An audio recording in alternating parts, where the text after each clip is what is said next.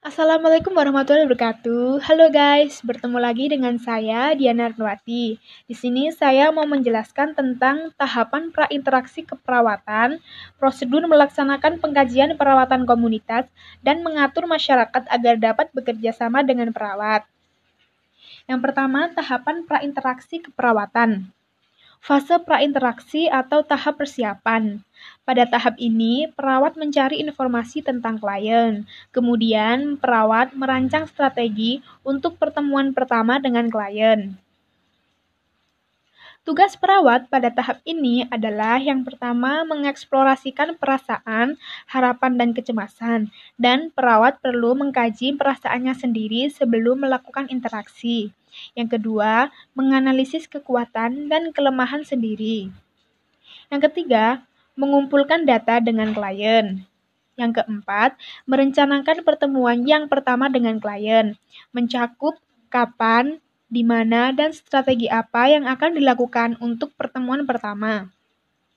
Tahap perkenalan. Tujuan dari tahap perkenalan adalah untuk memvalidasi keakuratan data dan rencana yang telah dibuat dengan keadaan klien saat ini dan mengevaluasi hasil tindakan yang lalu.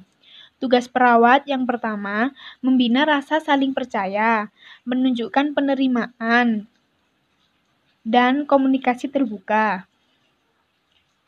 Kedua, merumuskan kontrak pada klien. Yang ketiga, menggali pikiran dan perasaan serta mengidentifikasi masalah klien. Yang keempat, merumuskan tujuan dengan klien. Tujuan ini dibuat setelah klien diidentifikasi yang pertama fase orientasi, yang kedua tahap kerja, yang ketiga tahap terminasi.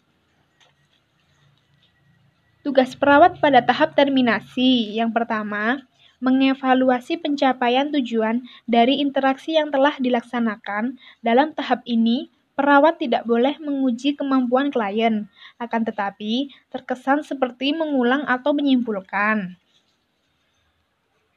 Yang kedua, melakukan evaluasi subjektif atau menanyakan perasaan klien. Yang ketiga, membuat kontrak untuk pertemuan berikutnya. Prosedur melaksanakan pengkajian perawatan komunitas. Tujuannya adalah yang pertama, terkumpulnya data inti dan data subsistem yang mempengaruhi kesehatan komunitas. Yang kedua, dapat menginterpretas data kesehatan komunitas. Yang ketiga, mendapat gambaran dari data tersebut.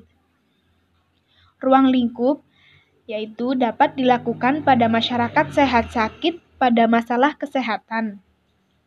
Defini, definisinya melakukan pengkajian keperawatan yang paling utama adalah komunitas yang memberi asuhan keperawatan komunitas. Prosedurnya dalam dalam ini dapat dilihat yang pertama tanggung jawab dan wewenang.